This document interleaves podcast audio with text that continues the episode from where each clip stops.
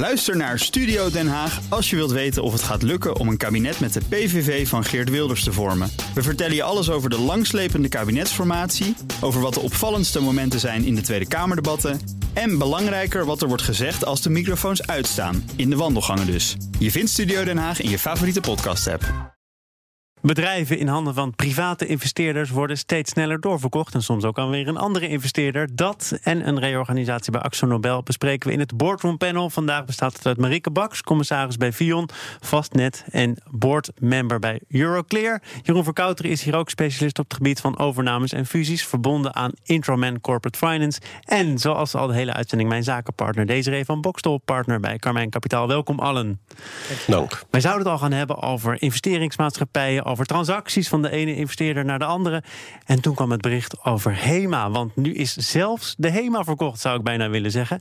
Marike, wat is je eerste reactie? Nou, door Ram Vastels. Ik neem aan dat het een wordplay is, overigens, uh, van Marcel Boekhoorn, de investeringsmaatschappij van Marcel. Um, de eerste reactie is dat uh, het wellicht goed nieuws is voor uh, de HEMA. He, vanuit een boardroom uh, viewpoint kan je je voorstellen dat een investeerder met meer Nederlandse roots, die echt begrijpt wat er speelt, uh, wellicht beter is. Uh, want de HEMA heeft veel uitdagingen. En die zal dan ook een begripvolle uit, uh, investeerder hard nodig hebben, denk ik. Ja.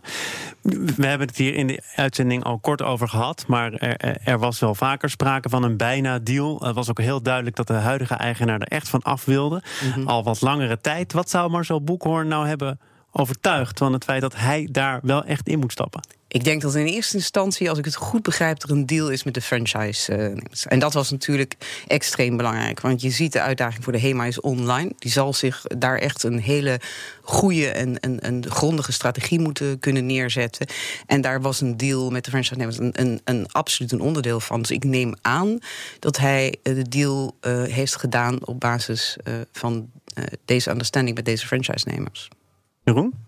Nou, ik denk dat het voor alle partijen uh, gunstig is. Uh, de verkoper moest er vanaf omdat ze volgend jaar uh, obligaties aflopen bij hun. Mm -hmm. Dus dat was een hele sterke drijfveer voor hun om het te verkopen. Ik denk ook dat Boekhoorn een, een koopje heeft gedaan. In alle eerlijkheid. Uh, ik denk dat hij minder dan een miljard betaalt in ieder geval. En uh, dat betekent dus dat het voor hem ook een goede deal is. En ik denk inderdaad dat hij uh, via de franchise-nemers het contact heeft gezocht. En daar eerst een deal mee gedaan heeft. En dan ja. vervolgens naar de HEMA toe is gestapt. Ja, dat zou ik gedaan en hebben. En hij betaalt relatief weinig omdat duidelijk was dat ja. HEMA naar een andere eigenaar moest. Dat ook, plus het feit dat het al een paar keer mislukt was, zoals je zelf zegt. En dan, en dan gaat de prijs ook wel zakken. Denk je dat voor de medewerkers een goede deal is? Ja, dat vind ik een lastige vraag. Uh, ik denk wel dat er een stuk continuïteit nu in het bedrijf komt. Er was onzekerheid. En onzekerheid is altijd slecht in, in, voor elk bedrijf. En dus ook in, uh, in het geval van HEMA. Nu komt er een nieuwe eigenaar. En die gaat natuurlijk wel proberen om, om dat bedrijf weer verder te laten doorgroeien. De vraag is even of dat dat betekent in Nederland of in het buitenland. De strategie die natuurlijk al doorgezet was. Ja, ja. Dus dan is de vraag, is dit goed voor de Nederlandse werknemer of voor de buitenlandse werknemer? Nou, ik denk dat proportioneel zitten natuurlijk nog steeds veel meer Nederlandse Klopt, werknemers. Ja. En zoals ik al eerder aangaf, denk ik wel dat wellicht deze. deze de, Marcel is gewoon ook een keiharde, hele goede Absoluut. investeerder. en, en, en daar heeft hij volledig recht toe. Maar ik denk wel dat, uh, zoals ik al aangaf, als je het krachtenveld hier begrijpt in Nederland, dat het wellicht dus ook, en want vanuit de boardroom moet je dat doen met de nachtneming van alle belanghebbenden, waaronder de werknemers. En ik, ik denk wel dat, dat, dat hij dat beter in principe zou kunnen begrijpen. Uh, en daar dan ook mee rekening houdt. Want uiteindelijk is dat voor het lange termijn succes van de HEMA essentieel. Ja, dat lange termijn, dat vind ik nog een belangrijk punt. Ik kan mm. me heel goed voorstellen dat Marcel Boekhoorn, net zoals bijvoorbeeld de investeerders achter Wekamp, uh, een wat langere termijn visie kan hebben en ook ja. wel heeft. Dus ja. bereid ja. is om te investeren. Exact. Gisteren kwam het nieuws dat Wekamp minder winst heeft gemaakt, maar dat komt gewoon doordat er zwaar wordt geïnvesteerd in zo'n bedrijf. En dat kan dan ook met zo'n aandeelhouder. Ja, absoluut. En dat is natuurlijk heel dat, lekker. Dat denk ik, en derhalve dus in het belang van de werknemers. Ja. Maar wat bedoel je dan? Want je zegt met nadruk, uh, hij heeft het recht om een zakelijke en ook een keiharde ondernemer te zijn. Wat betekent dat dan voor de toekomst? Want dan denk ik, ja, keihard en zakelijk. Gaat hij reorganiseren? Gaan er mensen hun baan verliezen? Gaat hij de condities veranderen? Ik denk, kijk, in, in, eerste instantie probeer je natuurlijk een echt structureel winstgevend bedrijf uh, op te zetten. En, en het zijn van een uh, langetermijn structureel winstgevend bedrijf is ook in het belang van werknemers. Want uiteindelijk zal je dan een baan hebben. En wat natuurlijk wel een feit is, dat als je kijkt naar de toekomst, de transformatie, die ook een HEMA zal moeten doormaken, naar de nieuwe technologieën, naar een online omgeving, dan, dan kan je je afvragen of dat ook inhoudt dat je een ander soort uh, van werknemer uh, zal moeten gaan aantrekken. Maar zijde, het hebben van een toekomst betekent ook dat je, dat je talentvolle werknemers jonge mensen kan aantrekken en behouden. En dat is ook essentieel voor een onderneming. Hebben jullie een idee hoe actief Marcel Boekhoorn zelf zal gaan zijn als aanlouder? Gaat hij sturen in een bedrijf? Nou, uh, het is van hem bekend dat hij wel actieve ja. rol uh, in, een, ja. uh, in een bedrijf neemt, in een investering neemt. En in dit geval heeft hij natuurlijk al actief een rol gespeeld met de franchise-nemers. Want ik denk oprecht dat hij eerst via ja, die absoluut. kant de boel heeft vastgelegd. Als wij, ja. En dan vervolgens naar de, de aanhouder toe is gestapt en gezegd: joh, weet je, ik betaal dit. En dan neem ik alle soorten mee. Is dat niet ook gevaarlijk? Van, ja, dat, dat is natuurlijk je van één man afhankelijk bent? Als... Nee, nou ja, ja nee, kijk, het, je bent niet van één man afhankelijk. Het is een, het is een investeerder, ja. het is een fonds. En daarachter zit natuurlijk ook management, et cetera. Dus ik denk niet dat hij daar persoonlijk daar gaat zitten en vervolgens de hele, uh, alle touwtjes, uh, aan alle touwtjes gaat trekken. Dat, dat gaat niet gebeuren. Maar ik denk wel dat hij wel een, een visie heeft over het bedrijf. Uh, aan de andere kant het is ook enigszins een opportunist. Dus, dus hij heeft deze kans voorbij zien komen.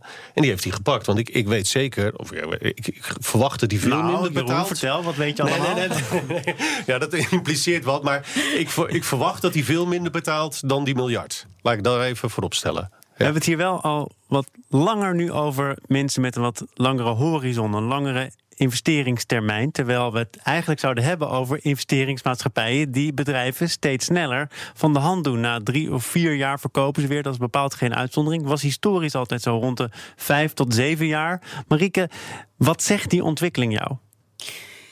Ik vind, ik vind eerlijk gezegd, er zijn van heel veel private equity partijen die uh, zo rondom de financiële crisis uh, een investering hadden gedaan in daar echt uh, veel, veel langer dan vijf jaar in hebben moeten zetten, zitten. Ik denk dat Lion is een, is een ja, goed voorbeeld. De HEMA is een goed voorbeeld van. van. En zo zijn er meerdere voorbeelden.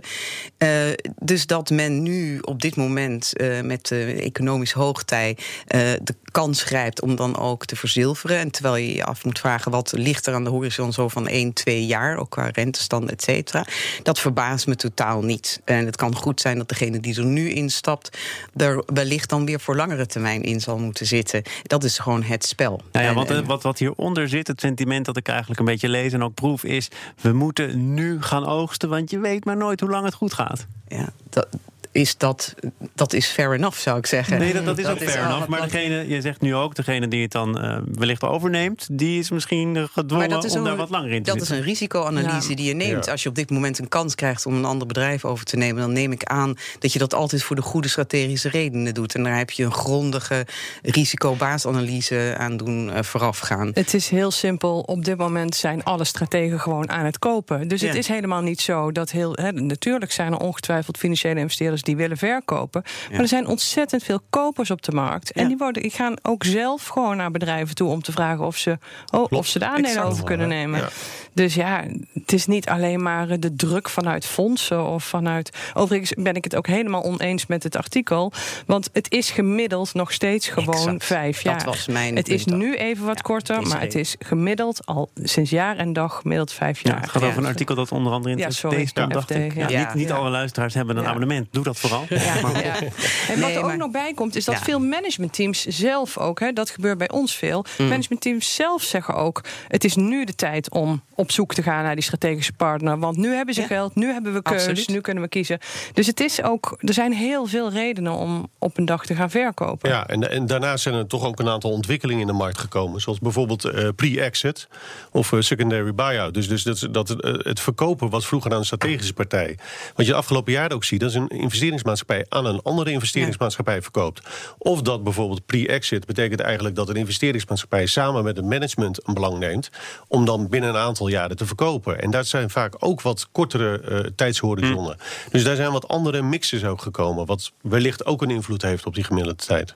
En er komt nog bij tot slot misschien toch dat uh, veel plannen van investeringsmaatschappijen zijn ook gewoon klaar. Omdat uh, we hebben een fantastische economie. Ja, sommige bedrijven draaien al jaren fantastisch. Ja. En dan heb je je plan ook uit ja, kunnen voeren. Zo, want dat is vaak de reden om er voor een bepaalde tijd in te zitten. Hè? Dat je denkt, ik heb een periode nodig om orde op zaken te stellen. En dat gaat dus vaak wat voor op schema nu, omdat het economisch goed gaat. Ja, dat gebeurt echt. Ja. Maar ik denk ook dat je als private equity partij, als je op dit moment ergens instapt, dan ben je je goed bewust van het feit dat echt de meeste sectoren uh, onder druk zullen staan van transformatie en nieuwe technologieën. En dat je, en dat daar, ik zou mij ik, als ontzettend interessant zijn om te investeren in bedrijven op dit moment, omdat je juist ziet dat echt elke sector op dit moment onder druk staat van die transformatie. Wat, gaat, wat ga je doen met de toekomst? Uh, en om dan te investeren en vervolgens te gaan bouwen, dat vergt ook wel een, een, een mooie strategische visie. Het lijkt mij ongelooflijk uitdagend. Ik bedoel, jullie doen dat natuurlijk uh, ook als Carmijn.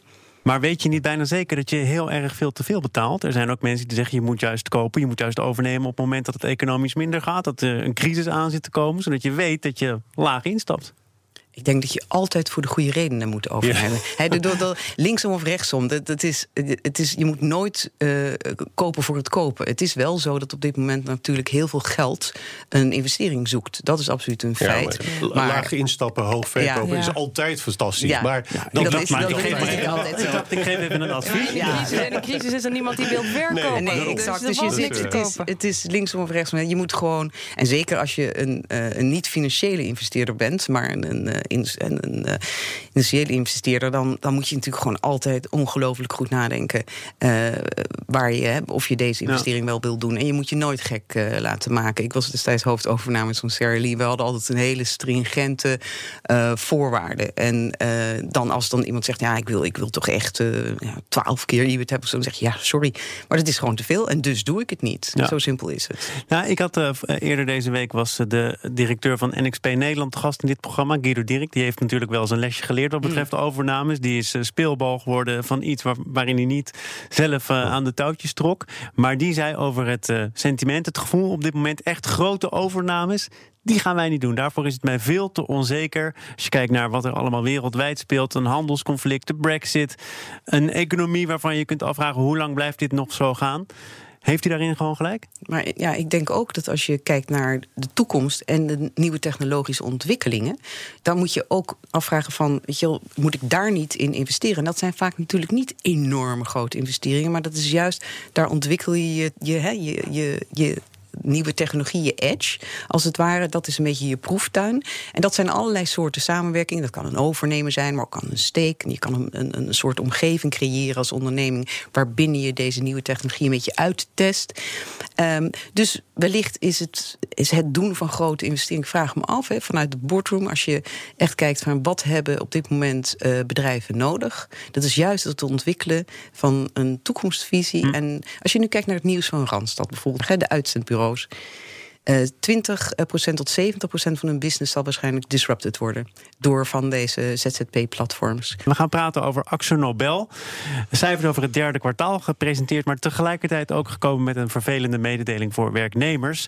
Doordat het werfbedrijf Weddersnijd in de kosten gaan er banen verloren. Er is dus een ontslagronde aangekondigd, maar details ontbreken nog. Vakbonden zeggen wij zijn niet geïnformeerd, we wisten niet dat dit eraan zat te komen. Marieke, is er dan iets misgegaan?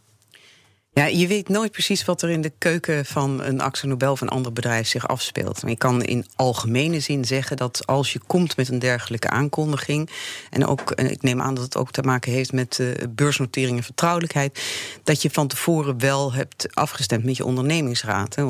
Nobel Nederland heeft natuurlijk een structuurmaatschappij, die heeft een, eh, ook een voordragscommissaris. Uh, en je wil proberen in, in algemene zin dit soort dit is negatieve energie. Uh, en in algemene zin wil je voorkomen dat je in zo'n situatie komt. Maar nogmaals, ik kan niet kijken in de keuken van AXO... en ik kan niet precies zien waarom dit zo is uh, aangekondigd. Dus er kunnen redenen zijn dat de communicatie toch nu naar buiten toe... in ieder geval wat onvolledig of niet zo geweldig overkomt. Ja, dat, je weet niet in hoeverre er wel overleg heeft plaatsgevonden en hoeverre het een positionering is van de vakbonden. Maar uh, als het is zoals het nu lijkt, dan, dan is dat in algemene zin vanuit een boordperspectief. Um, dan niet optimaal. Je gaat je afvragen of het niet ook gewoon bewust gedaan kan zijn. Omdat het, er wordt veel geschreeuwd, Nou, moord en brand geschreeuwd... en alles waait toch weer over Ja. uiteindelijk. Mhm. Zou dat kunnen, denk ja, je? Nou ja, goed. eh, dit is niet het laatste voorbeeld van communicatie tussen een, eh, een, eh, een onderneming en de rest van de wereld natuurlijk. En ri- richting zijn werknemers met name. Ja, dit is gewoon niet handig. Nee. Even los van het feit of ze nou wel of niet helemaal eh, de boel geïnformeerd hebben. Als vakbonden roepen, wij zijn niet geïnformeerd. Ja, de meeste mensen zullen dan denken, ja, wat is daar gebeurd? Nou, die vakbonden hebben overigens ook nog wel een vollere agenda, hè, want er moet een CAO worden afgesloten. Nou, precies, nou dat ja, speelt dus natuurlijk daarom- een, eventueel een rol. Maar het, het zet wel stemmingmakerij in ieder geval. Eh, Even los van exact. En, alles. en, en nogmaals, wat ik zeg, ik, je weet niet precies wat zich daar heeft afgespeeld. Maar in algemene zin wil je natuurlijk eh, als bedrijf voorkomen dat je in een dergelijke situatie eh, komt, omdat Ja, het niet eh, constructief is. En wat gebeurt er dan nu? Krijgen ze dit op hun brood? Op een of andere manier? Je bedoelt de. Ja, de- gaat de dit raad- consequenties hebben in de onderhandelingen? In de... Ik denk dat je onderhandelingen eh, het liefst nooit in de publieke arena wil eh, hoeven houden. En eh, dat het daarom verstandiger en beter is om te zorgen dat je van tevoren het een en ander hebt eh afgedicht. Ja. Ehm, dat is wat eh, ik in eh, deze situatie zou hebben geadviseerd. Ik, ik wil nog één ander punt aansnijden dat ook door die vakbonden naar voren wordt gebracht. Namelijk het feit dat de chemietak is eh, verkocht voor 10,1 miljard, als ik het wel heb. En zeggen ze bij de vakbond, nou dat is een behoorlijk bedrag. Wij willen daar ook van profiteren. De werknemers moeten daar ook iets van merken. Is dat een redelijke eis? Nou, dat vind ik op zich niet. Eh, dat geld wordt gebruikt voor investeringen in de verfdivisie.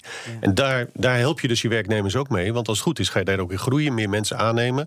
Daarom is dit verhaal Dat is van een beetje een lastig verhaal op het moment dat ze nou, maar dat, ze met minder maar dat is dus ook een beetje het verhaal. Het is niet duidelijk. Waar hebben we het over? Hebben we het ontslagen in een bepaalde divisie? Nou, het exact. Dat is gewoon nog niet Op bekend. het moment dat je dat aangeeft en zegt... Nou, we gaan dat geld investeren daarin... dus daar gaan we, Ja. noem maar wat, 2000 mensen aannemen... maar dan vloeien er daar 400 weg. Dan heb je een verhaal. Exact. En dat, je moet mensen meenemen in dat Ja. verhaal. En, dan, en dan wordt het ook geloofwaardig. Want je moet natuurlijk met. eh, je moet denken aan je werknemers. Eh, maar het kan goed zijn dat het inderdaad, zoals jij aangeeft, in het belang van die werknemers is dat bepaalde reorganisaties plaatsvinden. Dat het structureel winstgevend blijft. En dat je het geld wat je inderdaad hebt eh, vanuit die verkoop, dat je die investeert in, in het bedrijf. Om die echt toekomstbestendig te maken. Maar het vertellen dat, van dat verhaal, het meenemen van mensen, is natuurlijk essentieel in deze. Ja, klopt. Ik wil naar een onderwerp, Marike, waar jij volgens mij wel het een en ander over wil zeggen. Tenminste, je zei, gaan we het nog over Saoedi-Arabië hebben? Uiteraard gaan we het over Saoedi-Arabië hebben, want er zijn bedrijven die niet naar een internationale investeringsconferentie afreizen. Onze eigen minister van Financiën, eh, minister Hoekstra, gaat ook niet. Hij wil opheldering over wat er nu aan de hand is met die journalist. Ehm, snap je de gevoeligheid en snap je ook de afweging die bedrijven en ook deze minister nu maken? Ja, absoluut. Jullie noemden het eh, vanmorgen in, in het FD een, een, een waarschijnlijke eh, gruweldaad. En, en laten we dat, want het is inderdaad nog steeds niet bevestigd. Maar als het zo zou zijn, dan is dit natuurlijk flagrante schending van elke mogelijk rechtsbeginsel. Eh, en afgezien nog van de eigen emoties die je daarover kan hebben. Want het is eh, een soort slechte, slechte film of slechte video. Iets te veel gekeken daarna, geloof ik. Ehm, is natuurlijk vanuit een, een bedrijfsmatig perspectief. ehm, kan je je afvragen, punt 1, als bedrijf, als je zaken wil doen met een dergelijk regime. Ehm, punt, zou het zo kunnen zijn dat deze eh, Mohammed eh, bin Salman, oftewel eh, MBS, ehm, zich boven de wet verheven voelt. En dan mag je je afvragen of je daar als bedrijf met dit soort mensen zaken wil doen. Want dat is een onzekerheid. Maar ook in hoeverre het met ethiek in de boardroom en die bedrijf. Je hebt je eigen normen en waarden als bedrijf. Die ondersteunen je missie. En wat gaan de repercussies zijn eh, voor je werknemers, voor je klanten, als je zaken doet met een dergelijk regime? We doen wel zaken, hè? 1,3 miljard Ja, euro ja, vorig jaar kijk- met Saoedi-Arabië. Maar kijk bijvoorbeeld wat er is gebeurd met Softbank. Hè. Afgelopen maandag, aandeelkoers 8% naar beneden eh, gegaan. Zij hebben een 100 eh, miljard eh, technologiefonds, dat heet Vision Fund. Eh, maar dat is ongeveer de helft in eigendom van de Saoedi's. Eh, en, en ze zijn keihard afgestraft door de markt. Dus je moet je ook afvragen, dus, dus wat zijn je, de repercussies voor je reputatie als bedrijf? Maar dat komt na je eigen morele kompas. mijn eigen morele kompas, dat uh, speelt als commissaris zit ik voor het belang van de onderneming. Uh, als persoon heb ik mijn eigen morele kompas. Nou, nee, ik vraag het ook omdat je natuurlijk af kunt vragen waar je nog wel zaken kunt doen. Dat was in ieder geval de teneur van iemand die in Saoedi-Arabië onderneemt. Deed zijn verhaal in het AD. Die zegt, ja. ik ga er toch mee door. En als je kijkt, waar trekken we dan de grens? Mark Rutte stond begin deze week nog te juichen... dat Nederland dikke orders uit China heeft binnengesleept. Terwijl ook daar de mensenrechten worden geschonden. Dus als je heel strikt bent, zei deze ondernemer... dan doe je bijna nergens zaken. Nee, maar het is, het is natuurlijk wel het, in dit geval heeft het ook te maken met iemand. En eh, zakenleven houdt niet van onvoorspelbaarheid en onzekerheid. En je kan je afvragen hoe stabiel uh, deze omgeving op dit moment is. Het lijkt me in ieder geval zaak om even pas op de plaats te maken. En ik zou in eerste instantie graag willen weten uh, of dit verhaal inderdaad is zoals het ja. nu lijkt te zijn. Jeroen? Ja, nou ja, ik, ik kan me daar eigenlijk alleen maar bij aansluiten. Kijk, het, persoonlijk uh, gaat dit natuurlijk way too ver, uh, ver, En als bedrijf moet je dan zelf ook de afweging maken, inderdaad de commissaris en het management, van ja, wat wil ik hiermee? En wat staat mijn missie? En hoe staan mijn doelstellingen erin? Uh, ook richting mijn personeel. Ja, Want op absoluut. het moment dat je daar als, nou kijk naar onze baggeraars die daar veel werken. Op het moment dat je personeel daar zit en dat ook gevaar kan hebben, ah, kan dreigen, dan kan je ja. dus wel zeggen van ja, als onderneming Misschien moet ik me daarin terugtrekken, ook al kost het me geld. En dan is het ook een bedrijfseconomische uh, overweging. Ondanks het feit dat het je ja. orders kan, uh, kan kosten, ja. uh, je zorgt wel voor je mensen. Ja. Er staan nog twee handelsmissies uh, op de agenda dit jaar nog, hè, vanuit Nederland naar Saoedi-Arabië. De oppositie, het is toch ook een politiek verhaal geworden, zegt nu daar moet sowieso een streep doorheen. Ik dacht dat er al een streep doorheen was ja. gezet. Of is ik dat dacht uh, door okay. het bezoek van, uh, van Hoekstra, maar niet per se door die handelsmissie. Nee, nee. nee. Okay, ze zeggen, ze, volgens mij heeft het uh, ministerie van Buitenlandse Zaken nadrukkelijk aangegeven dat dit een beslissing is voor elk bedrijf op zich. En ik denk dat het dat ook moet zijn. Ja. ik denk dat je wel dat een gespreksonderwerp wil maken tijdens je, je komende vergadering. Als jij al deel uit zou maken van zo'n handelsmissie. Ja, want, want, het veiligheidsperspectief, blijft, ja. dat vind ik ook een issue. Nou, dat, dat vind ik een belangrijk issue Absoluut. voor bedrijven. Voor de rest is het politiek.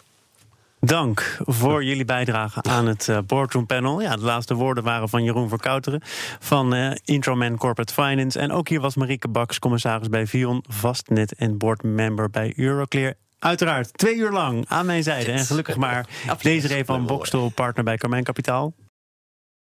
Ook Bas van Werven vind je in de BNR-app. Ja, je kunt live naar mij en Iwan luisteren tijdens de ochtendspits. Je krijgt een melding van Breaking News. En niet alleen onze podcast Ochtendnieuws, maar alle BNR-podcasts vind je in de app. Download nu de gratis BNR-app en blijf scherp.